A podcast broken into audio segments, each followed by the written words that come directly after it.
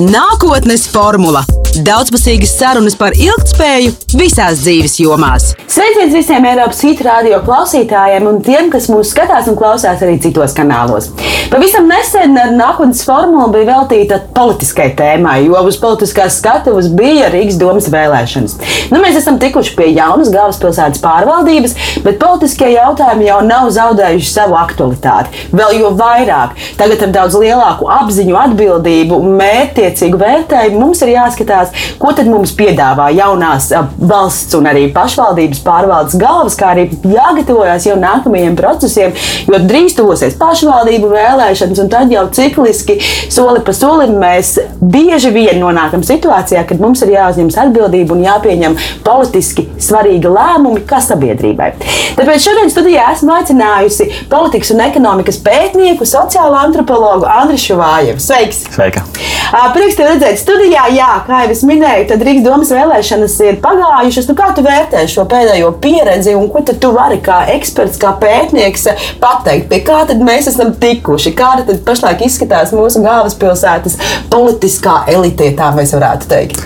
Nu, izskatās divējādi. No vienas puses, protams, esmu ļoti priecīgs par tiem cilvēkiem, kas tik Rīgas domē, kurus es personiski pazīstu un kas, teiksim, ir, mēs ilgi esam runājuši par tādu politisko pauģu nomaiņu, par nepieciešamību pēc tās un redzēju, ka kaut kas tam līdzīgs tiek tiešām ir noticis. Jo, jo liela daļa no šiem cilvēkiem, kas te, teiksim, tika no šī uzvarošā saraksta, ir tiešām jauni cilvēki, kas, kas ir sākuši savu politisko karjeru tikai, tikai pirms pāris gadiem, iestājoties, iestājoties partijā, un tagad ir tikuši jau Rīgas domā. Es domāju, tas pats par sevi ir diezgan ievērojams sasniegums, ar ko viņam noteikti vajadzētu lepoties. Tāpēc tajā kontekstā es esmu visai priecīgs, jo es domāju, ka tās manas politiskās pārliecības saskan, saskan, ir visai tuvas šiem cilvēkiem. Tāpēc es, es personiski daugos diezgan cerīgi uz šo jauno sasaukumu un, un tām iespējām, kas, kas, kas, kas tagad mums pavērās. Tajā pašā laikā tas, tas cipars, kam es visvairāk pievēršu uzmanību, ir, ir protams, šis, šie 40%, kas, kas atnāca nobalsot, un, un šie 60%, kas neatnāca nobalsot. Un, un es šo partiju vietā, ir, ir, ir manuprāt, viegli šīm partijām, kas tagad ir šajā pārmaiņu koalīcijā, priecāties par šādu mandātu, kas viņiem ir ticis sniegts no sabiedrības puses, no rīznieku puses. Bet es izturos tajā pašā laikā ļoti piesardzīgi par to, cik nu, te, šis, šis raidījums aptur ilgspējas jautājumu, cik ilgspējīgs ir šis mandāts, jo, jo 40% protams, ir, ir ļoti, ļoti maz. Un, ja mēs skatāmies uz šo uzvarošo sarakstu, viņi uzvarēja ar aptuveni 40 tūkstošu balsīm, 44 tūkstošu balsīm, un tie ir aptuveni 10% no visiem Rīgas balsotājiem, un, un tas ir 10% mandāts patiesībā. Un tas, protams, norāda uz vairākām varbūt tādām struktūrālām problēmām, kas varbūt saistās ar šo visu Rīgas domas vēlēšanu kampaņu kā tādu. Jo ir skaidrs, ka okay, saskaņas vēlētājs neatnāca nobalsot šī attīstībai un progresīvai vēlētāji patiesībā kvantitatīvā ziņā nepalielinājās. Ja mēs skatāmies par to, cik daudz cilvēku nobalsoja par viņiem pirms diviem gadiem saimnes vēlēšanās un cik daudz nobalsoja tagad, tad tas kopējais cipars nav mainījies. Tas nozīmē, ka viņiem ir diezgan stabils elektorāts. Bet tas jautājums, protams, ir par to, kā uzrunāt šos visus cilvēkus, kas, kas neaizgāja nobalsot. Un tas ir tas būtiskais jautājums, par ko ir jādomā arī šim sasaukumam. Kāds ir tavs skaidrojums? Nu, kāpēc tā notiek? Nu, kur slēpjas šī mūsu pasivitāte? Nu, vai tas ir tiešām kaut kāds, nezinu, mūsu, mūsu zīmoks, ar ko mēs nespējam tikt galā, vai, ir, vai tā ir laikmeta iezīme, sabiedrības iezīme, vai tie ir kādi konkrēti procesi, kas pie tā ir noveduši?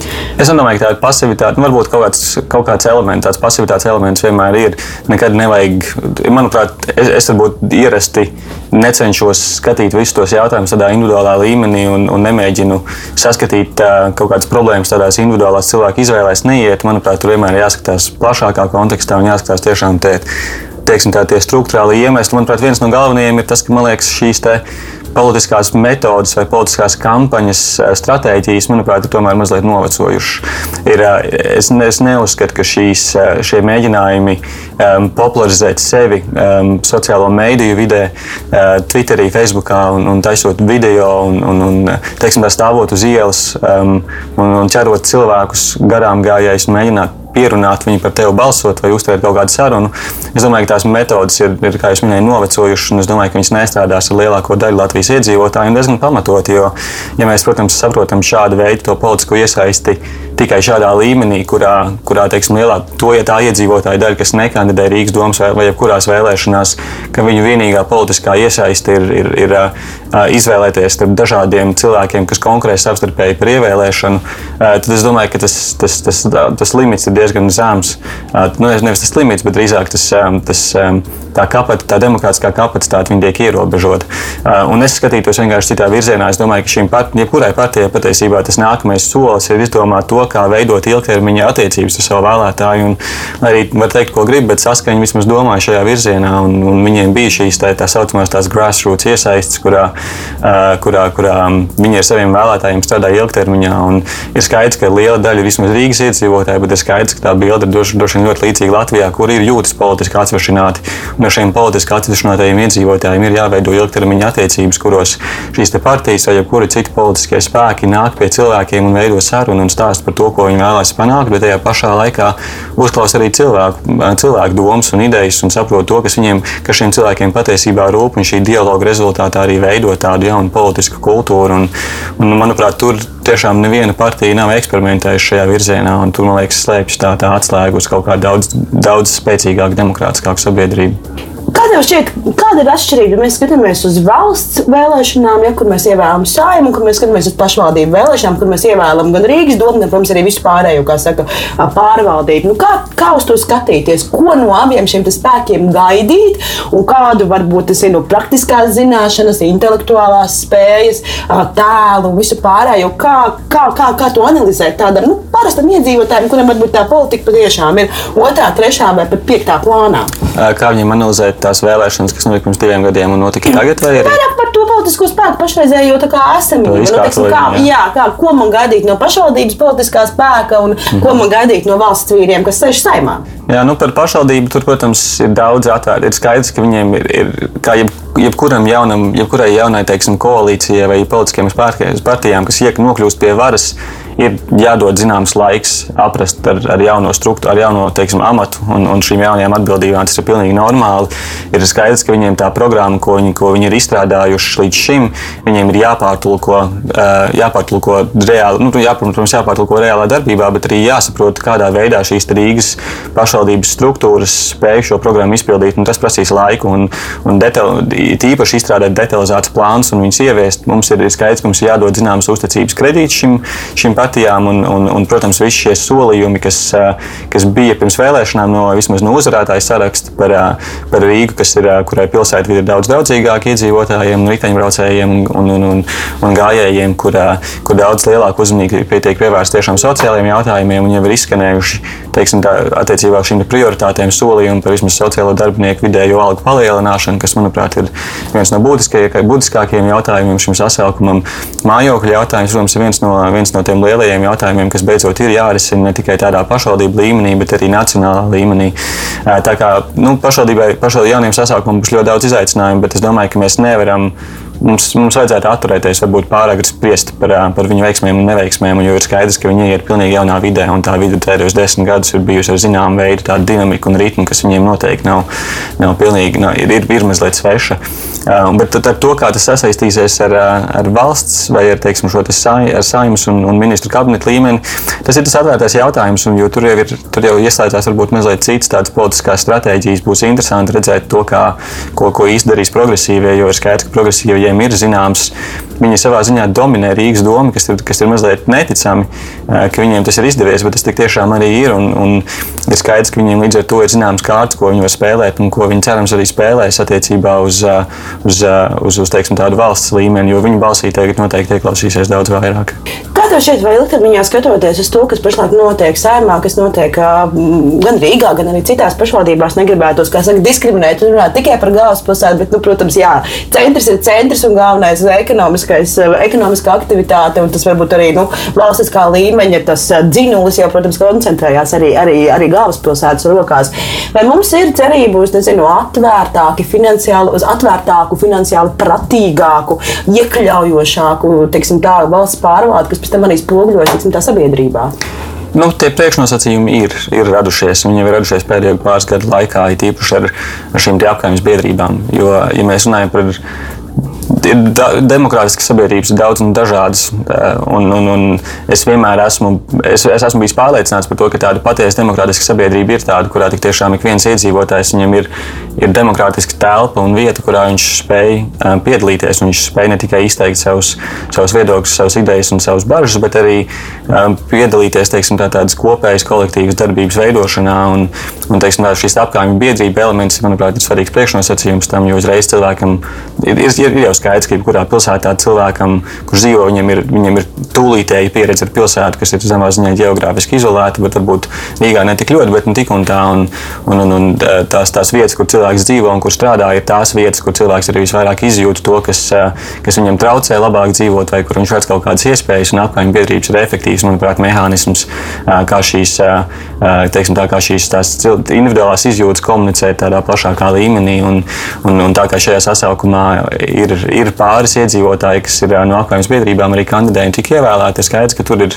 pozitīvas ziņas tajā, tajā, tajā ziņā, jo um, šie cilvēki noteikti būs tie, kas mēģinās iedzīvināt, institucionalizēt šīs saiknes starp šo pašvaldības līmeni un apgājuma biedrību līmeni. Tā ka tajā ziņā es domāju, mums tiešām ir cerības uz, uz, atvērtāku, uz, uz atvērtāku publisko pārvaldi un uz kopumā teiksim, deputātiem, kas ir daudz atvērtāki publisk, publikas iesaistēji, kas ir ļoti forši. Bet, um, um, bet atkal tur ir. Um, kā jebkura ir, ir pārāk varbūt arī priecāties. Jo, ir, jo um, es domāju, ka mums ir tas tā tāds jautājums, kur mēs tiešām tā jēgpilni varam izanalizēt vai parunāt pēc pāris mēnešiem. Jo, kā jau minēju, šie cilvēki, kas ieiet jaunā vidē un kur viņiem ir jāaprod, ir, uh, ir, mēs nevaram uzreiz cerēt, ka, viņi, ka tas, ko viņi darīs, būs uzreiz mēģinās paraut sev visus līdz pārējos iedzīvotājus. Viņiem no sākuma ir jāaprod un, un, un jāsaprot, kur viņi īsti ir nonākuši. Um, bet attiecībā uz to jautājumu par tādu finansiālo, finansiālo uh, pratību un, un, un tiem jautājumiem. Jā, nu tas gan, manuprāt, ir joprojām viens jautājums, kurš mums ir, kur, kur Latvijas sabiedrībā varbūt mums tik labi neveicas. Un, un, un es to nedomāju tādā kā individuālā līmenī par, par spēju tiešām veidot kaut kādus uzkrājumus un, un, un, un teiksim, neaizņemties kaut kādus nevajadzīgus kredītus, bet es domāju tiešām tādā izpratnē par izpratni par to, kā notiek šie makroekonomiskie procesi gan valsts, gan pašvaldību līmenī. Jo tagad arī mēs dzirdam šīs jaunās finanšu ministrijas piedāvājumus par nodokļiem, par to, ka teiksim, pašvaldībām tiks atņemta zināma summa nost kas, kur būs centieni viņu aizstāt Eiropas Savienības finansējumu. Es domāju, ka šiem jaunajiem domniekiem ir ļoti svarīgi saprast par to, kas tas īsti ir par piedāvājumu un kādas patiesībā ir alternatīvas, jo citādi viņu rokas jau būs sasietas no paša sākuma. Kā tev šķiet, tas droši vien ir jautājums par visu noli, bet, bet kāda ir tava interpretācija? Vai valsts pārvalde spogļo sabiedrību, vai otrādi, vai valsts pārvalde ietekmē to, kādā sabiedrībā mēs dzīvojam? Nu, tās atgriezeniskās saites jau ir, viņas, viņas ir, protams, abos virzienos. Um, ir, ir arī droši vien svarīgi saprast to publisko pārvaldi, kas tiek saprasts. Jo, ja mēs to saprotam visus līmeņus, gan teiksim, tādu politisko lēmumu pieņemšanas līmeni, gan arī ierēdniecības līmeni, gan teiksim, šo pilsonisko sabiedrību, kas, protams, sadarbojās ar šīm institūcijām, eh, tur, man liekas, katrai teiksim, tā sava dinamika un, un katrai ir sava kaut kāda racionalitāte un, un, un tāda, kas neviegli, nevienmēr viegli pakļaujās ehm, teiksim, šīm te demokrātijas ehm, tādiem nepie, demokrātisko nepieciešamību pēc caurspīdības, pēc, pēc cilvēku iesaistas un tā tālāk. Um, var droši vien novērot to, ka. Um, ka, ka, protams, jo spēcīgāka pilsoniskā sabiedrība, jo lielāks tas spiediens attiecībā uz lēmumu pieņēmējiem, viņi, viņos arī klausīties un ņemt viņus vērā. Un, mums pilsoniskā sabiedrība var arī teiksim, tā, rādīt piemēru tādiem atkal tādiem ierīnas iedzīvotājiem, vai vismaz atkal radīt šīs iespējas ierīnas iedzīvotājiem iesaistīties demokrātiskā procesā. Bet arī tajā pašā laikā ir skaidrs, ka ja no politiskā līmeņa, um, ja politiskajā līmenī tik un tā nepastāv šī griba um, iesaistīt sabiedrību uh, šajos jautājumos, tad pilsoniskās sabiedrības iespējas ietekmēt šos procesus arī kaut kādā ziņā atstās pa cienu vienā brīdī. Tur līdz ar to ir jābūt apusējai atvērtībai. Um, un, man liekas, arī tādā ierēdniecības līmenī. Um, tur, tur, man liekas, arī tik daudz jautājumu patiesībā, par kuriem mums ir tādā ziņā tādi neatrisināti. Jo vismaz tā mana pieredze, eh, gan personiskā, gan profesionālā līmenī, ir bijusi tāda, ka, ka ierēdniecība patiesībā var daudz vairāk, un mums viņai ir jāuzticas daudz vairāk. Bieži vien eh, patiesībā tā, tā mūsu tā, tas, tas, ka mēs esam ļoti uzmanīgi attiecībā uz to, ko, ko viņi var darīt, izpildot politiskus lēmumus. Mēs, manuprāt, dažreiz pārāk piesardzīgi, bet, nu, protams, ir atšķirīgi dažādi jautājumi. Tagad tas spogulis ir apusējis, bet es, man liekas, tie jautājumi, kam ir jāpievērš uzmanība, ir, ir cik lielā mērā šī publiskā pārvalde patiesībā vēlas iesaistīt iedzīvotājus savā lēmumu pieņemšanā. Īstenībā mēs nākotnes formos raidījumā vēl neesam runājuši nevienā par tādu tiešām tādu demokrātiju pēc savas būtības. Nu, kā tur ir vienkāršiem vārdiem skaidrot, kas tas ir, ko tas vispār nozīmē, ko šis jēdziens sevi ietver tādā absolūti klasiskā uh, vērtību izpratnē. Tādā klasiskā vērtību izpratnē tur jāiet filozofiski atpakaļ līdz senajai Grieķijai. Un, un, un tad varbūt jāskatās tāds 16, 17, 18 gadsimts, kad sāk veidoties šīs modernās demokrātijas sistēmas Eiropā. Un, un viņas veidojās nu, arī tādā ļoti konkrētā, teiksim, vēsturiskā vidē, kur, kur Tā, tā, mēs mūsdienās mēs, mēs savā ziņā vienādojam demokrātiju ar pārstāvniecisko demokrātiju, kas ir šī eiropeiskā norma vai rietumnieciskā norma, un kas ir tāds kā modelis, kas, kas ir savā ziņā tiek imitēts lielā, lielā daļā pasaules. Un, un mūsuprāt, tā demokrātija ir, ir šī, kurā, kurā pastāv šī nošķirtība ar dažādām varām. Mums ir likumdevēja vara, mums ir saima, mums ir izpildvara, mums ir, mums ir tiesu vara, un, un tad, teiksim, ir šī arī kaut kā ir šis te ceturtā maigā vara, ja šī mēdīju vara. Um, un, Un, un, teiksim, tas pieņēmums ir, ka jebkurā demokrātiskā sabiedrībā vismaz šie, šie trīs varas elementi tiks savā, savstarpēji nošķirti, un, un viņiem būs iespēja vienam otru kontrolēt un ietekmēt, un savā ziņā arī, arī ierobežot kaut kādas vienas, vienas no šīs institūcijas pārlieku lielu tādu varas uzurpēšanu kaut kādos brīžos, protams, ar dažādām atrunām, kaut kādos teiksim, ekstrēmos gadījumos.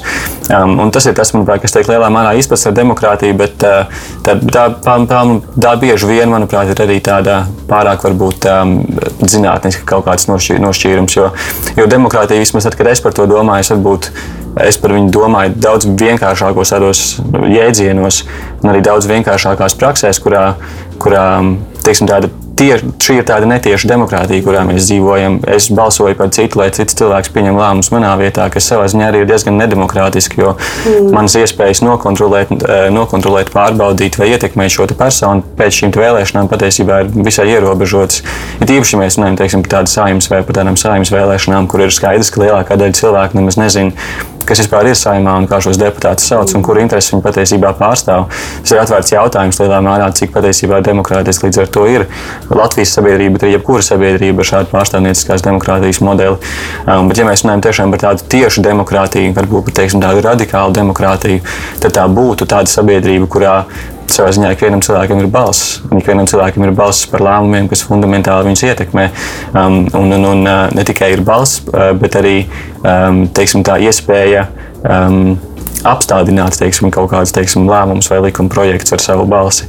Uh, jo, ja mēs skatāmies uz tādām teiksim, šīm radikālām demokrātiskām sabiedrībām, šis konsensus princips, tā ideja par to, ka ikvienam cilvēkam tiešām ir jāpiekrīt tam pieņemtajam lēmumam, viņi ir dzīve un viņi darbojās. Un ir vairākas sabiedrības, kur, kur notiek eksperimenti par to, kā to iedzīvināt. Uzreiz var sākt argumentēt pret to, ka tādā lielā sabiedrībā, teiksim, Latvijā mums ir divi miljoni, kas nav nemaz tik liela, bet tik un tā izklausās ļoti daudz. Būtu ļoti grūti panākt vienprātību visos jautājumos.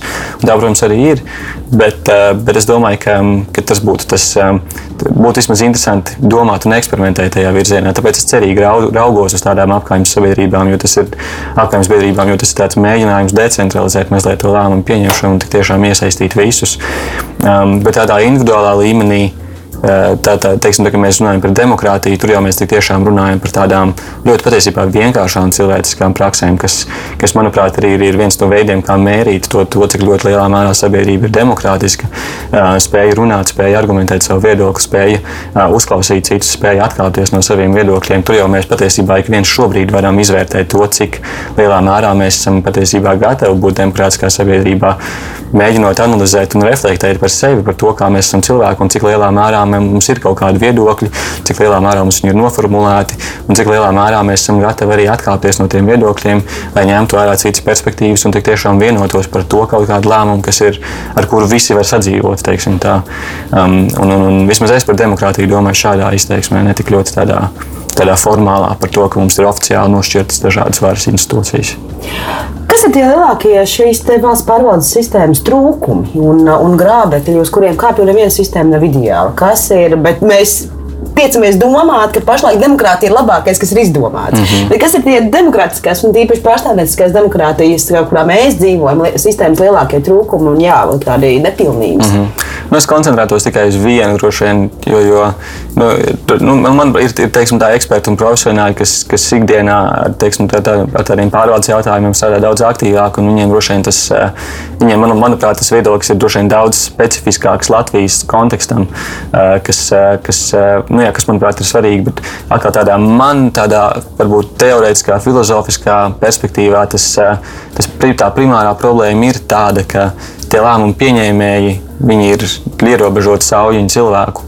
Un mēs, mēs ar visu to sadzīvojam savā ziņā, domājot, ja, ka, ka mēs ar savu nodoto balsi ievēlam šos cilvēkus, lai viņi mūs pārstāv. Bet vai viņi patiesībā pārstāv tās mūsu intereses, to, manuprāt, ļoti grūti, no, to ļoti grūti pārbaudīt. Un, un atkal, ja nav šis mēģinājums no pašas sabiedrības puses tiešām kontrolēt un pārbaudīt un, un, un tiešām turēt pie atbildības šos lēmumu pieņēmējus, un ja paši lēmumu pieņēmēji ļoti veiksmīgi var arī no tā izvairīties, tad atkal tas jautājums par to, cik lielā mērā šī publiskā pārvaldība ir demokrātiska, manuprāt, ir atvērts. Un, un tas arī noved pie tā savā ziņā tā otras, otras nianses par to, ka patiesībā jebkura kaut kāda sabiedriskā iesaiste, jebkāda veida jautājumos, jebkura sabiedriskā apspriešana, kas, kas, kas ir, viņa savā ziņā ir tāda konsultatīva, jo, jo atkal šie lēmumu pieņēmēji tiešām var atvērt jautājumu tādai sabiedriskai apspriešanai. Um, un, un, un tiešām atkal formāli aicināt izteikt viedokļus, un formāli ik viens var piedalīties. Bet no nu, atšķirības starp to formālo un substantīvo dažreiz pastāv. Jo okay, cilvēks var piedalīties, cilvēks var izteikt savus viedokļus, bet dienas beigās viņš nebūs tas, kurš pieņems to lēmumu. Un, un atkal daudz, daudz norādīs uz to, ka tas ir nepieciešams, lai sabiedrības darbotos efektīvi un lai mēs tur nepavadītu visu laiku sarunās par to, kā labāk. Bet es redzu zināmu vērtību un jēgu šādās sarunās. Un, un es redzu šīs sarunas un, un, un šo tiešām demokrātisko procesu kā vērtību pašu par sevi, kur tiešām ir vērts kultivēt un aktualizēt. Jo, manuprāt, tie, tie, tie, tie ieguvumi no tā ir daudz lielāki nekā, nekā patiesībā šobrīd, kurā tu vari izteikt savu viedokli, bet, ja viņš netiek ņemts vērā, tavs iespējas kaut ko ietekmēt, pēc tam ir diezgan ierobežotas.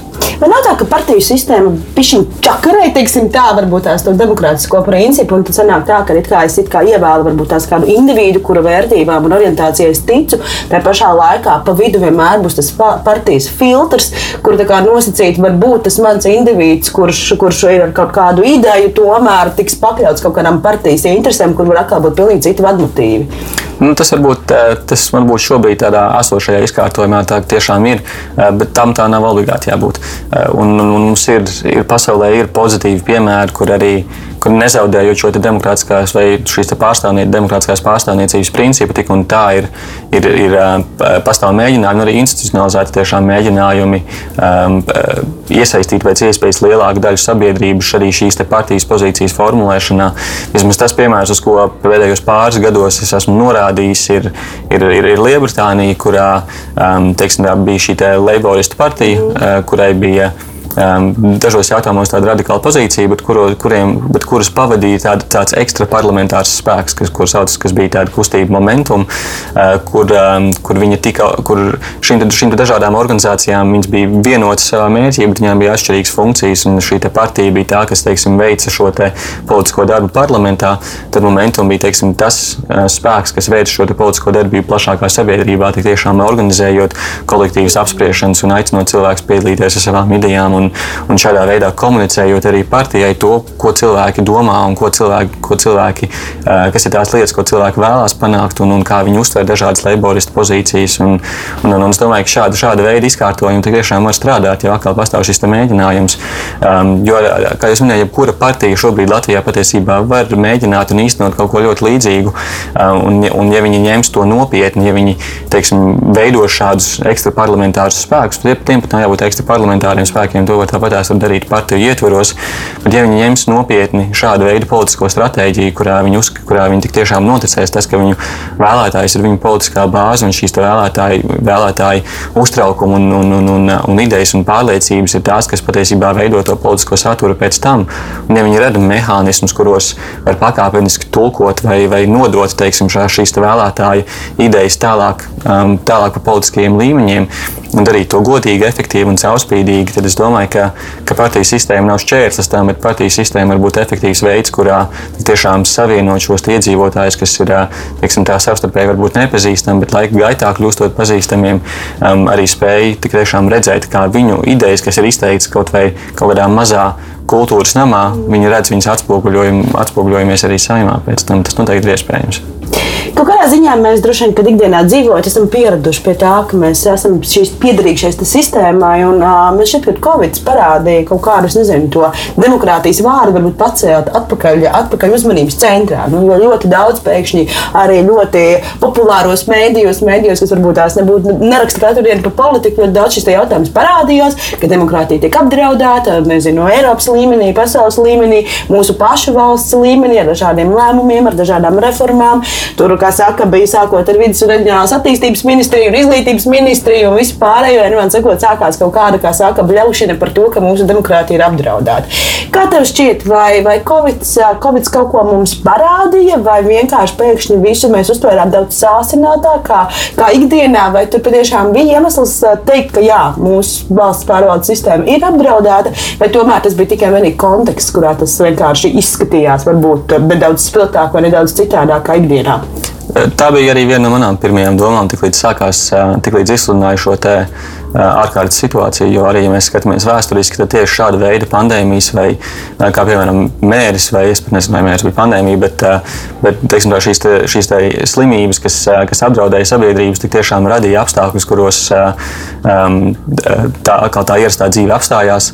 Cilvēki tika izolēti, cilvēki tika reģistrēti, un pēc tam tā ir tāda veida informācija, kas pēc tam tika centralizēta un kuru var izmantot dažādiem mērķiem, kas, teiksim, tā nav līdz galam demokrātiski, jo šīs centralizētās varas ir, kā jau mēs runājam, nav viņas nav, nav līdz galam iespējams vienmēr pārbaudīt un, un kontrolēt. Līdz ar to šāda veida draudi noteikti arī joprojām pastāv patiesībā. Jo, jo... Bet arī tā cilvēku tā, tā tēze par to, ka nu, vajag taču, kā saka, to stipro roku, kas tad savāz to sabiedrību un nelaiž nevienu ārā no valsts un nelaiž nevienu šeit iekšā, lai nosargātu kaut kādu mūsu varbūt ekosistēmu, kur mēs nosacītu uz pasaules fona. Bijām un joprojām esam daudz drošākā situācijā, varbūt reiķinoties ar tām pandēmijas ietekmēm un sakām nekā varbūt citu vietu. Vai tur arī parādījās īstenībā ļoti daudz arī sabiedrības tā prasība pēc tā, jā. lai ir šis spēks, kurš mūs savāc, kontrolē un organizē. Noteikti, jā, un, un manuprāt, tas jau ir vairāk saistīts ar teiksim, vairāk tādiem materiāliem apstākļiem, kuros, kuros cilvēki, kas jau kopumā jūtas visai nedroši par savu dzīvi, ļoti objektīvi iemeslu dēļ, vai tas ir, vai tie ir uh, relatīvi zemi ienākumi, vai tās ir grūtības ar, ar, kvalitatīvu mājokli, vai uh, tie sarežģījumi ar teiksim, bērnu dabūšanu, bērnu dārzā, visas tādas ikdienišķas lietas. Uh, cilvēkiem, kas, kas ir skaidrs, ka viņas uzkrājās un cilvēki kopumā dzīvo diezgan daudz, diezgan lielu emocionālo stresu un šāda veida globāls notikums, kas iedveš vēl lielāku uh, nedrošību par nākotni. Protams, raisa cilvēkos izjūtas, ka viņiem ir nepieciešams vismaz kaut kāda veida stabilitāte, kaut kāda veida drošība, un, un, un, un mums jau ir visas atkal politiskās struktūras izveidotas tādas, ka šādos gadījumos tik tiešām mēs uzticam arī kaut kādam konkrētam, šajā gadījumā izpildvarai diezgan lielas varas. Um, un, un, ja pastāv, uh, pastāv šī, šīs, šīs teiksim, pieprasījums no plašākās sabiedrības, kas ir kopumā tādās mat dzīvo materiāli nenodrošinātos apstākļos, pavisam noteikti būs figūras, kas arī mēģinās kapitalizēt un izmantot šādu veidu sentimentu, kas eksistē sabiedrībā. Um, tā kā, tāpēc man liekas, ir svarīgi ne tik ļoti um, skatīties un fiksēt šo uh, vēlmi pēc teiksim, tā, tāda viena līdera, bet skatīties uz, tā, uz tiem cēloņiem, kas veido šādu veidu sentimentu. Tie cēloņi, manuprāt, ir būtībā materiāli. Kas, tavuprāt, ir pašlaik mūsu, kā Latvijas sabiedrības, tādas lielākās problēmas, kas mums būtu jārisina gan pašiem ar saviem spēkiem, gan arī, protams, jāsagaida kaut kāda, kas ir rīcības spēja no tiem cilvēkiem, kas varbūt tādas ir mūsu vēlēti un mūsu valsts, teiksim, tā lēmumu pieņēmēju pozīcijās? Es esmu regulāri runājis tieši par šiem ekonomikas jautājumiem, par, par nu, tādiem sociālajiem ekonomikas jautājumiem saistībā ar cilvēku ienākumiem. Jā, ir skaidrs, ka, ka Latvijā, Latvijas um, valdošā nevien, materiālā nevienlīdzība, ienākuma nevienlīdzība, bagātība, nevien, bagātības nevienlīdzība, kā arī kopumā šis sabiedrības slānis, kuru kuru atkal tā formāli definē par teiksim, nabadzīgo slāni, bet nu, varbūt tas vārds nabadzīgs nav īsti korekts, jo Um, jo, jo, jo nu, cilvēki neidentificējās bieži vien um, ar, šo, ar šo jēdzienu, kas ir vairāk saprotams, bet nu, kopumā cilvēkiem ir zemi ienākumi, kuri, kuri nespēja veikt um, um, uh, visus savus maksājumus vienmēr laikā, kuri, kuri noteikti nespēja veikt arī uzkrājumus vai atkal dzīvo tādā emocionālā stresā, ka viņi nespēja pieņemt uh, teiksim, tā, tādus lēmumus, kurus citos apstākļos mums, mēs uzskatām par racionāliem. Es domāju, ka šie ir divi, divi šīs galvenās problēmas, kas, kas Latvijas sabiedrībā ir bijušas. Viņš ir bijušas ļoti ilgu laiku.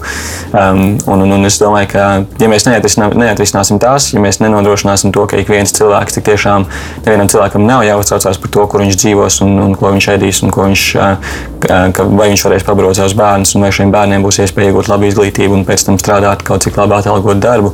Ja mēs netiksim galā ar šīm pamat problēmām, es domāju, ka visas pārējās problēmas patiesībā nav nemaz tik svarīgas. Bet, ir, ir, bet, tas, bet šis jautājums noved pie jau citām citām problēmām par to, kāpēc šīs jautājumi netiek risināti. Un, un tur, tur es varbūt mazliet um, atteju nost no teiksim, tāda ierastā iedzīvotāja uz vairāk tādu tiešām politisko, ekonomisko līmeni. Un, Un tajā līmenī, manuprāt, tās, tās, tās problēmas tiešām vairāk saistās ar to, kā, kā, kā sabiedrība un kā politiskā sabiedrība izprot publiskās finanses. Jo um, mēs, mēs regulāri dzirdam to, ka nav naudas. Um, mēs to dzirdējām pagājušajā gadā, un, un par spīti tam, ka šogad mums ir, mums ir nepastāv teiksim, formāli vai šie, vai šie ierobežojumi Eiropas Savienības puses attiecībā uz cik lielu deficītu mēs varam veidot kā valsts. Un, un arī tie parādi, publiskā parāda jautājumi nav tik aktuāli. Par spīti tam es esmu diezgan pārliecināts, ka mums joprojām tā, tā, tā valdošā racionalitāte būs uz taupību, būs uz, būs uz līdzekļu neinvestē, neinvestēšanu. Un, un, un, un tiem, tiem pārdzīvojumiem par to, kas notiks tajā brīdī, kad mūsu deficīts būs lielāks arī nākamgad, un ka mūsu parāds tur būs lielāks. Un es domāju, ka tā ir tā kaut kāda domāšana, kas, kas mums patiesībā liedz veikt šīs jēgpilnās investīcijas cilvēkos un arī cilvēku algās. Jo mums ir tā pārliecība, ka mēs uz parādu nevaram dzīvot, un ka tas publiskais parāds ir kaut kas tāds, kas, ko mēs nodosim pēc tam saviem, saviem mazbērniem. Un tie mazie maz, mazbērni būs spiesti visus savus ienākumus atdot obligāciju turētājiem. Un viss šie kaut kādi tādi, sabiedrības biedē izvērtēšana un, un, un, un šo publisko finanšu mītiskošana, kas, kas patiesībā liedz mums veidot um, um, tādu ekonomiku, kas tiešām ir sabiedrības interesēs. Un, un tā jau ir cīņa, kas, manuprāt, ir daudz lielāka un, un viņi, viņi ir daudz dziļāki, jo viņi ir tik ļoti institucionalizēti. Un, un arī pārējā sabiedrība tiešām notic to, ka naudas nav un, un, un, un mēs nevaram palielināt cilvēkiem algas, jo tas nozīmē, ka mums tas jādara arī nākamgad, un tas mums palielinās publisko parādu. Un atkal šie, šī, šī iešana apliep šiem argumentiem, kas, manuprāt, ir fundamentāli kļūdaini vienkārši. Kāds būtu tas tavs, nezinu, ideālais ceļš, vai tavuprāt, kaut kādas labās prakses, iespējams, arī no citu valstu piemēriem? Nu, kas tad ir tas politiskās un sociālās ilgspējas pamats? Nu, kas mums būtu jādara, lai šo situāciju mainītu? Jo tas jau ir pirmkārt jau kaut kāda daļa no šī problēma loka, ko tu iezīmē. Tā ir bezmazliet stigmatizēta. Tas jau, tas, vairs, tas jau nav stāsts par racionāliem argumentiem, tas jau ir stāsts par psiholoģiju, mm. par mhm. šo iekšējo sajūtu, ko iespējams mēs jau DNS līmenī nododam saviem bērniem ar kādu vispār ambīciju, ar kādu vispār sajūtu sajūta, viņi sāk vispār savu dzīvi savu profesionālo Jā. attīstību. Uh, tad uh, varbūt tu vari ieskicēt, kas ir tas, ko tu redzi, ko mēs varam darīt, kā mēs varam mēģināt to mainīt. Nu, Dažas tās, tās tēmas un idejas jau, jau ir izskanējušas. Ir, ir, tad, kad es domāju par, par varbūt ne pat obligāti ilgspējīgu, bet nu, arī ilgspējīga sabiedrība ir, ir arī nu, ir acīm redzams skaidrs ik vienam visticamāk par to, ka sabiedrība, kurā pastāv liela ienākuma nevienlīdzība, ilgi, ilgi nevar eksistēt. Viņa, viņa vienā brīdī salūzīs, būs kaut kāda radīsies sociāla spriedze, radīsies cita veida institucionālās spriedzes, kas vienkārši to sistēmu apstādinās vienā brīdī. Līdz ar to tie jautājumi par to, kā sadalīt šos ienākumus godīgā, efektīvā veidā Latvijā ir, ir, ir atklāti, un tie ir jautājumi, kas ir jāatrisina. Un esošās tās nodokļu reformas, kas izskan, viņas iet, pat, jā, viņas, viņas, viņas cenšas varbūt iet teiksim, šajā virzienā, bet viņas to noteikti dara pārāk kautrīgi. Un, un, un, un, un, un, un tas ir noteikti pirmais jautājums, par kuru mums ir jādomā. Jo, um, ja mēs, atkal, ja mēs uh, neradīsim sabiedrību, kurā tik tā atkal ikvienam iedzīvotājam būs, uh, būs vismaz kaut kāda veida drošība par nākotni, gan mājokļu, gan ēdienu, pārtikas darba ziņā, un, un būs iespēja veidot vismaz kaut kādus uzkrājumus, um, es domāju, ka tā noteikti no sabiedrība, kas ir ilgspējīga. Un to ir vēsture parādījusi, ja mēs skatāmies uz 19. gadsimtu, kur tiešām šie nevienlīdzība um, kļūst dramatiski, viņa, viņa viņi kļūst tik liela un tas tā plaisa starp bagātiem un nabagajiem ir, ir, ir, ir, ir tik apjomīga, ka, pirmais pasaules karš ir rezultāts. Tā sistēma vienkārši uzsprāgst um, savas iekšējās dinamikas dēļ, un mums ir jādara viss iespējamais, lai novērstu līdzīgus, līdzīgus rezultātus, lai arī, protams, jāņem vērā cits, cits konteksts, uh, globālais un, un cita, cita globālā politika, bet ne tik un tā. Un mums ir jāsāk arī ar sevi, mums ir jāsāk to veidot Latvijas sabiedrībā, un, un mēs to pavisam noteikti varam. Um, tas droši vien ir pirmais jautājums, un ar to saistīts jautājums ir, ir jautājums, par ko es esmu diezgan bieži runājis, kas ir, kas ir, um, kas ir šī parāda dzēšana, parāda atlaišana, uh, kas arī ir, manuprāt, priekšnosacījums um, sabiedrībai, kas ir godīga, jo mums joprojām mēs, tā 2008. un 2009. gada krīze, mums ir kaut kāds priekšstats, ka mēs esam tikuši tajā krīzē pāri, bet mēs neesam. Ir skaidrs, ka ja, ja, ja um, tie pēdējie interesantie, pēdējie interesantie dati, kas ir par šiem jautājumiem, ir tādi, ka To nevar līdz galam precīzi pateikt, bet katrs trešais, ceturtais iedzīvotājs ir ar parādiem, kas ir apgrūtinoši.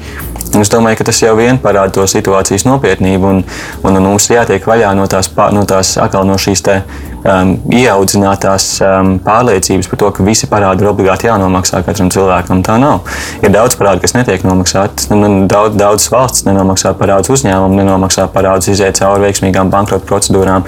Un mums jāsaprot, ka ir kaut kādi parādi, kas iedzīvotājiem ir bijuši, kas, uh, kurus viņi ir uzņēmušies objektīvu iemeslu dēļ, un, um, un, un viņi to darījuši, darījuši, lai vienkārši izdzīvotu. Ir skaidrs, ka šie parādi šobrīd slāpē ne tikai šīs individu dzīves, bet arī visas sabiedrības dzīvi. Un mums ir jārada mehānisms, kuros mēs varam no šiem parādiem tikt vaļā, un tas būs, tas būs, tas būs iegūms visai sabiedrībai kā tādai. Un trešais solis mums ir nepieciešams domāt par, um, par nākotnes ekonomiku tik tiešām par to, kādu, ar ko cilvēki nodarbosies. Ja mēs skatāmies uz tiem veidiem, kā nodrošināt to, ka sabiedrība, ir, sabiedrība nav nevienlīdzīga un sabiedrībā ikvienam cilvēkam ir pieejama pieeja um, labiem izglītības, veselības pakalpojumiem un, un, un spēja nodrošināt savu materiālo labklājību, tā ir sabiedrība, kurā cilvēkiem, cilvēkiem ir augsts ienākums no savas nodarbinātības. Mums jādomā par šīm nodarbinātības formām.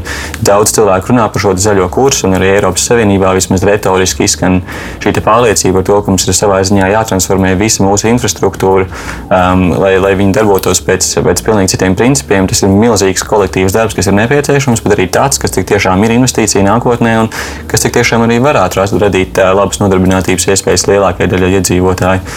Um, tā ka, nu, es domāju, šie ir vismaz kaut kādi virzieni, kuros mums ir nepieciešams domāt, lai mēs, lai mēs nodrošinātu to, ka sabiedrība ir ilgspējīga ne tikai tādā vidas un sociālā ziņā, bet arī finansiālā. Ļoti daudz ekspertu, kas viesojas arī nākotnes formulas raidījumā, un bieži mēs saka, fokusējamies uz šo ilgspējas tēmu, pārstāv jā, šo pētniecisko, analītisko, teorētisko flangu, un ļoti, ļoti reti, kad kāds no viņiem ir iesaistījies aktīvajā politikā. Saka, lūdzu, vai jūsu starpā notiek komunikācija? Nu, es redzu, tu par to domā, tu to analizē, tu to pēti. Tev kaut kādā ziņā ir idejas un arī pamatota izpratne un, un racionāla argumentēta izpratne par to, ko vajadzētu darīt. Vai tev kā pētniekam, kā zinātniekam, vai tev ir iespēja ietekmēt politiskos procesus, vai tev ir dzirdīgas ausis, kas ņem tavu viedokli vai tavus pētnieciskā rezultātu darbus, teiksim, tā vērā? Es teiktu, ka jā, ir, ir, ir grūti varbūt vienmēr fiksēt to, kā notiek šīs pārmaiņas, un, un kurā brīdī kāds tev ieklausās. Jo tu jau līdz galam pats arī nezini. Bet, nu, Es, es noteikti nevēlu, šis parāda dzēšanas jautājums, ir labs piemērs vienkārši, jo tā bija kaut kāda lieta, par kuru es sāku publiski runāt pirms pāris gadiem. Un, uh, vismaz cik es zinu, tā, tā, tas jautājums īstenībā nebija publiski izskanējis līdz šim. Un, uh, un, un, un, uh, un tagad, pāris gadus vēlāk, mums tomēr ir jau radušās iniciatīvas, kas ir tendētas tieši uz šādu ideju, kas ir Latvijas bankas ideja par to, kad, uh, kas jau ir, fakt, kas jau ir īsten, kas jau īstenojās šobrīd par to, ka tiem iedzīvotājiem, kas, kas uzņēmās hipotekāros kredītus līdz 2008. gadam, uh, kuriem tika atsevināti īpašumi, kur bija tik un tā spiesti turpināt maksāt šo parādu, tas vairs nav jādara. Tas ir tieši tas, tā ir parāda dzēšana arī tagad top jaunais likums par, par, par atvieglotu maksātnespējas procesu iedzīvotājiem ar maziem ienākumiem, arī ir solis tajā virzienā, kurā iedzīvotājiem būs tik tiešām iespēja tikt vaļā no saviem parādiem. Um, un, un, un, nu, tas jau liecina par to, ka, ka, ka kaut kur jau tās balsis izskan. Un, un, un, man liekas, ir nepareizi reducēt uz to, ka tāpēc, ka es to izteicu, šādas iniciatīvas radās. Es esmu pārliecināts par to, ka tās iniciatīvas būtu radušās arī, arī bez tās manas iejaukšanās vai bez, tā, bez tiem maniem viedokļiem. Bet ir skaidrs, ka, tā, ka, ka tas bija veids, kā teiksim, sagatavot vai nu, nu, jā, radīt šo diskusiju sabiedrībā par šiem jautājumiem, kas ir priekšnosacījums, lai šāda veida iniciatīvas un likumi būtu arī sabiedrībā pieņemami. Uh, un, un, un tā kā Latvija ir pietiekami maza zeme un, un, un tās saiknes starp un ir diezgan viegli patiesībā satikt šos lēmumu pieņēmējus un, un nodibināt viņiem kontaktus un attiecības, tad, eh, tad eh, es domāju, ka tās iespējas ietekmēt Latvijā šo tiešām lielos jautājumus ir, ir milzīgas. Um, un, un, un eh, vismaz tādā personiskā līmenī es nedomāju, ka man ir kaut kādas problēmas, um, um, ja es ļoti vēlos nokomunicēt tās savas idejas kādam, man, ka man šķiet, kurš pieņem šos lēmumus, tas ir svarīgi, to svarīgi zināt. Bet atkal, manuprāt, tas varbūt tā problēma ir tāda, ka tas notiek pārāk tādā um, no kā tādā neinstitucionalizētā veidā. Mums jārada struktūras, jārada telpas un vietas, kur ir skaidrs, ka tas būs ilgstoši un, un tiešām ilgspējīgi. Un, un, un, un, un tādas, kuras cilvēki jau, nu, jau kuras, kuras cilvēki zina, ka aizejot tur vai, vai, vai izsakot viedokli tur, tas viedoklis tiešām tiks ņemts vērā. Un, ne, un tur mums ir tas lielais izaicinājums to nodrošināt. Daudz no šīm lielajām problēmām dažkārt tiek norakstītas uz mūsu nepratību, dēļ tā, ka mēs esam nu, salīdzinoši jauna valsts un kaut kādā ziņā visam, visām šīm sistēmām salīdzinoši nesen tikai strādājam. Kā tev šķiet, vai tas ir pamatojums un vai mēs drīkstam, kā saka, varbūt tās kaut kādos brīžos nejusties tik ļoti vainīgi par savu finansiālo nepratību, mm. par savu sociālo nepratību, par savu varbūt tās arī kaut kādām skarbākajām tiksim, tā, mācībām demokrātijas skolā, balstoties šajā argumentā, ka nu, jā, mums bija bija saka, šī padomju telpa, kurai mēs bijām piederīgi. Un tagad mēs, kā saka, ļoti straujā tempā cenšamies pietuvoties Ziemeļu valstīm un, un visai pārējai centrālajai Eiropai, kas ir mūsu kaut kādā ziņā tādi ideāli. Mm -hmm. Mēs esam jauna valsts, un, un, un varbūt patiesībā bieži vien šie jautājumi par to, kādu veidu valsts mēs vēlamies būt, ir ir tiešām nākuši priekšplānā tikai nesen. Uh, jo, ja mēs tiešām skatāmies uz šiem 90. gadiem, kas, manuprāt, ir šis periods, kur ir jāpēta daudz vairāk, lai saprastu, kas tur patiesībā notiek, tad, tad uh, Padomju Savienība sabrūk ļoti ātri. Viņa, viņa it kā brūk kādu laiku, bet viņa tiešām sabrūk ļoti ātri. Un, un, un, un, un manuprāt, notiek šī tiešām tāda izteikta bēgšana no Padomju Savienības um, uz, uz rietumiem, īsti līdz galam saprotot, kas ir šie rietumi un kas ir patiesībā tā sabiedrība, kurā mēs tagad pēkšņi iekļaujamies. Jo, jo tāds, teiksim, tāds varbūt ciniskāks skatījums uz šo procesu, kas notiek 90. gados attiecībā uz Austrumēropu no rietumu perspektīvas, ir, ka Austrumēropa reprezentēja um, lētu darba spēku un reprezentēja jaunus tirgus. Un ar tieši šādu pieeju viņi, viņi piegāja mūsu valstīm. Jo tur jau tā, tas dialogs un komunikācija notiks starp um, tiem cilvēkiem, kas vēlējās būt lēmumu pieņēmēji vai vēlējās būt šie politiķi Latvijā, un ar, un ar tiem cilvēkiem, kas darbojās rietumos un, un ļoti labi zināja, ka šīm valstīm ir nepieciešams kaut kādas vadlīnijas. Un, un ir muļķīgi pieņemt to, ka tās viņu piedāvātās vadlīnijas bija veidotas tikai un vienīgi mūsu interesēs. Tur bija, tur bija acīm redzamas intereses um, gan politiskas, gan ekonomiskas, kas, kas, kas kas noteikti vadīja šo visu procesu. Latvijas banka ir labs piemērs. Latvijas banka ir, ir tiek nodibināta kā neatkarīga institūcija, kuras uzdevums ir kontrolēt inflāciju. Un kāpēc? Tas, tas ir tikai un vienīgi tāpēc, ka tā ir tā dominējošā paradigma, kas tobrīd ir rietumos, kas tobrīd ir Eiropā. Viņi tik tiešām tiek modelēti uz Vācijas centrālās bankas pamata. Bet tas jautājums ir, kāpēc nenotiek, vai, vai, vai ja notika, kāpēc mēs nedzirdējām par teiksim, tādām idejām un diskusijām, kas domāja par alternatīviem kaut kādiem virzieniem, kas, kas, kas teiksim, tā nebija tāds tiešām tāds, nu, mežonīgs kapitālisms, ja, kas vēl 90. gados pat arī nebija šī padomju savienība, bet bija kaut kādi citi ceļi. Un, manuprāt, tā, un man tas savā ziņā sāk atspēlēties šajā, nu, varbūt šajā brīdī tas jau atspēlējās savā ziņā pirms desmit gadiem, ka, ka šīs pārdomas sabiedrībā par to, ko mēs īsti vēlamies no valsts, īsti nav not, nu, tādas, tādas diskusijas īsti nav notikušas. To var ļoti labi redzēt tādā politiskajā līmenī, kurā Es tieši pirms, pāris, pirms gada uzrakstīju šo rakstu, ka mēs patiesībā nu, gan visas partijas vieno um, ir, ir, ir, ir faktiski vienādojams jautājumā par to, uh, ko mums darīt ar mūsu valsts budžetu. Un šis fiskālais konservatīvisms par to, ka valsts budžetam ir jābūt vismaz sabalansētam, bet ar pārpalikumu ir tas, par ko gan visas partijas vienmēr ir bijušas viensprātis. Tas jau vien liecina par to, ka, ka, ka, ka tā ir kaut kāda konkrēta ideja, kas par valsti, ko mēs nevēlamies, lai valsts dara. Mēs nevēlamies, lai valsts pārāk iesaistās tautsājumniecībā. Bet kāpēc? To neviens īsti nevar atbildēt. Un es domāju, ka tas ir tie, tie jautājumi, kas, kurus mums ir jāsāk risināt šobrīd. Un atkal šī jaunā politiskā paudze, es domāju, ka tas ir, tas ir, ir cerīgi cilvēki, uz kuriem skatīties, lai, lai šādas pārmaiņas, lai šādas diskusijas arī, arī īstenot sabiedrībā. Kā tev šķiet, vai mēs no Latvijas darba spēka esam jau kļuvuši par augstas pievienotās vērtības darba spēku, vai mēs jau esam procesā? Nu, ekonomiskie rādītāji noteikti parādītu, ka mēs neesam augstas pievienotās darbs. Darba, dar, nu, mums tās, teiksim, tās, tās nozares un industrijas um, nav ar pārāk augstu pievienoto vērtību. Ir tikai dažas, ne, kas ir Un viņš jau klasiski tagad izskan kā IT un, un šāda veida nozares, kurām varbūt ir tas lielais potenciāls būt par to. Mēs jau bieži arī dzirdam par pēdējā laikā, tīpaši kopš pandēmijas, par to, ka Latvijai jāorientējas eksports, uz eksporta spēju un, un jāveicina šīs nozares un industrijas, kas tiešām eksportē produktus ar augstu pievienoto vērtību. Um, es, es domāju, ka, ka tur ir vēl tāls ceļš ejams, bet arī, manuprāt, ir. Um, Nu, nu tas, ka mēs joprojām esam lēts darba spēks, tas ir to jau mēs, atkal, to jau mēs lielā mērā varam redzēt pēc tās, kāda ir tā ienākuma struktūra. Ienākuma mediāna ir pēc nodokļu nomaksas ir aptuveni 600 eiro. Tas jau lieliski parāda par to, ka ar kādu veidu ienākumiem iedzīvotāji dzīvo.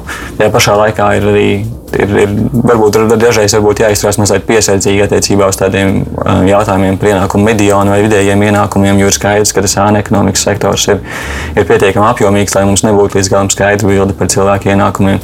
Bet tādā struktūrālā līmenī um, es domāju, ka, ka mēs neesam. Um, tās, nu, jā, tās esošās attīstītās nozares nav pārāk augstu pievienoto vērtību, bet kā, mums visas iespējas ir kļūt par tādu, tīpaši, ja mēs atgriežamies pie tās diskusijas par šo zaļo kursu, par, par visu infrastruktūras pārtransformāciju uz, uz, uz teiksim, šo zaļo enerģiju tā ir, ir skaidrs, ka tur ir, tur, ir, tur ir ne tikai mūsu nākotne, tur ir visa pasaules nākotne. Mums ir visas iespējas kļūt par pionieriem, kas sāk veidot ne tikai tehnoloģijas, bet arī šos sociālos, ne, sociālos izkārtojumus, ka šīs tehnoloģijas padara par, par iedzīvinātām, par iestrādātām, par īstām, kurās cilvēki izmanto. Un, un šīs zināšanas, kuras cilvēki noteikti vēlēsies pārējā pasaulē. Līdzīgi arī, manuprāt, ir par veselības aprūpas nozari vai par izglītību. Mēs bieži vien domājam par to, ka mums ir nepieciešams eksportēt teiksim, mūsu dabiskos resursus vai eksportēt atkal kaut kādus IT pakalpojumus. Man liekas, mēs neaizdomājamies par to, ka mēs varam eksportēt arī mūsu kompetences veselības nozarē un izglītībā. Un, teiksim, tādas valstis kā Somija to dara. Viņiem ir ļoti attīstīta izglītības sistēma, ko, ko visa pasaule runā, un visa pasaule, pārējā pasaule vēlas arī Somu kompetenci šajos jautājumos. Un es domāju, ka tur mums arī ir visas iespējas attīstīt šos jautājumus. Un, un, un, un, un, un, un tās ir tāda veida zināšanas, kas atkal ja viņas jau viņas ir tās, kas veido to sabiedrības ilgspēju, un līdz ar to viņām vienmēr būs teiksim, tā tirgus. Kaut kādā ziņā šis varbūt ir tāds labs punkts, jo tāpēc, kad restruktūrizācija un pārmaiņas būs visiem. Kaut kādā ziņā mums šī pasaule ir jāpārbūvē, un jāmaina un jāpārdomā pilnīgi visiem. Un tas ir jādara diezgan straujā tempā. Kā saka, pēc tam no ilgspējīgas attīstības mērķiem mums ir no sērijas desmit gadi, kuru laikā mums ir milzīgas transformācijas mm -hmm. jāveic visās struktūrās, un, un vidē, un ekonomikā un sabiedrībā, lai mēs spētu, kā saka, nesabojāt to pasauli, kuru mēs esam izveidojuši. Tas varbūt ir kaut kādā ziņā tāds mūsu pašlaik tāds backups, ja, tāda, tāda, tāds iegūtais laiks, kuru citkārt varbūt mums tas būtu kāds 20, 30 gadi, lai nonāktu kaut kādā līmenī. Tur tagad visiem būs kaut kas jāpielāgojas un jāmaina. Jā. Noslēdzot mūsu sarunu, jā, mēs, mēs sākām ar tām vēlēšanām un to, to, to, to mūsu jā, sociālo atbildību un, un, un, un mūsu arī politisko gribu. Un, kā tad mums tagad par to domāt un kā pret to attiekties? Mums ir dažu mēnešu kredīts, kredīts, kredīts mūsu Rīgas domniekiem, mm -hmm. bet pavisam jau nav kredīts citām pārvaldes sistēmām. Kas tavuprāt ir tie instrumenti, kas cilvēkam, kurš nav varbūt iesaistījies politikā, kurš nav iesaistījies arī nevalstiskajās organizācijās, kā prasīt šo atbildību, kā, kā, kā, kā, nezinu, kā komunicēt, kā iesaistīties un beigu galā panākt to, ka kaut kādā veidā manas intereses un mans viedoklis tiek pārstāvēts šajā valsts pārvaldes sistēmā, kurai es esmu visciešākā mērā piederīga. Te, nu, tur ir um, tur var atbildēt vairākos līmeņos. Viens ir, ir, protams, izvērtēt tās esošās iespējas, esošās institūcijas, kas jau ir. Ja mēs runājam par Rīgu, tad atkal šīs apgājas biedrības, manuprāt, ir, ir ļoti labs veids, kurā, kurā, kurā iesaistīties. Jo ir skaidrs, ka tur uzreiz būs zināma cilvēku grupa, kas, um, kas, kas, būs, varbūt, nu, kas būs atbalstoši šādu veidu mēģinājumiem, un kuriem jau ir nodibinājušies teiksim, komunikācijas kanāli ar tādu politisko līmeni. Bet tas vienmēr būs atkarīgs no tā jautājuma, kas cilvēkiem interesē. Jo, ir, ir um, mums joprojām tas NVO sektors, mums, tajā ziņā mums ir jāspēcina. Jo atkal teiksim, šāds jautājums par, um, par teiksim, tādu finanšu pratību, par cilvēkiem, par iedzīvotājiem, kuriem ir tādas pārmērīgas parāda saistības un, un kuri meklē kaut kādu veidu palīdzību, viņiem jau šī palīdzība īstenībā nav pieejama. Līdz ar to arī viņiem nav arī, nav arī teiksim, tā iespējas arī uh, formulēt uh, savus viedokļus un jautājumus attiecībā uz, uz, uz šīm problēmām. Un, un, un tur mums patiesībā ir nepieciešams uh, lielāks, uh, lielāk, lielāks investīcijas patiesībā no valsts un pašvaldības pusēm, lai radītu atbalstītu NVO sektoru, kur cilvēki var adresēt savus konkrētos jautājumus un šādā veidā arī caur šīm institūcijām savā ziņā um, pieprasīt atbildību no lēmumu pieņēmējiem. Bet ir jāatcerās vienmēr arī, ka um, ka, ka tāda lēmumu, tāda atbildības pieprasīšana, um, viņa jau ir iespējama jebkurā gadījumā arī ļoti individuālā līmenī. Um, gan, gan, uh, mazā valstī tīpaši. Tīpaši mazā valstī, jā, kur, kur tā, kā jūs minējāt, nav, nav satikt deputātu vai satikt uh, Rīgas domnieku vai, vai satikt um, cilvēkus, kas ir atbildīgi par konkrētiem projektiem, ir relatīvi viegli patiesībā. Un, un, un, un, uh, vai nu sazināties, sazināties viņiem individuāli un adresējot kaut kādus jautājumus, bet, uh, bet atkal, ja mēs runājam par tādu Jo, man, manuprāt, tam jautājumam viņam, viņam jāatrisinās tiešām atkal, tādā struktūrālā līmenī, kurās, kuros mums ir atkal šīs iestrādātās institūcijas, kas, kas jau to efektīvi darbu dara. Un, un, un tajā ziņā man ir grūti pateikt, jo, manuprāt, tas, ja, kā jau minēju, tas mums joprojām pietrūkst šie politiskie spēki un politiskās partijas, kas ļoti nopietni ņem šos jautājumus par sabiedrības iesaisti savos iekšējos darbības, iekšējos partijas procesos, un ir īpaši tām partijām, kas ir pie varas. Jo, manuprāt, tam vajadzētu būt tam veidam, kuros cilvēki var tik tiešām iesaistīties šajā politiskajā procesā un, un, un kontrolēt, kontrolēt to, kādi lēmumi tiek pieņemti. Bet arī jāatcerās, ir, ka te ir ļoti liela mēdīja atbildība par to, ka mēdīja jau ierasti ir tie,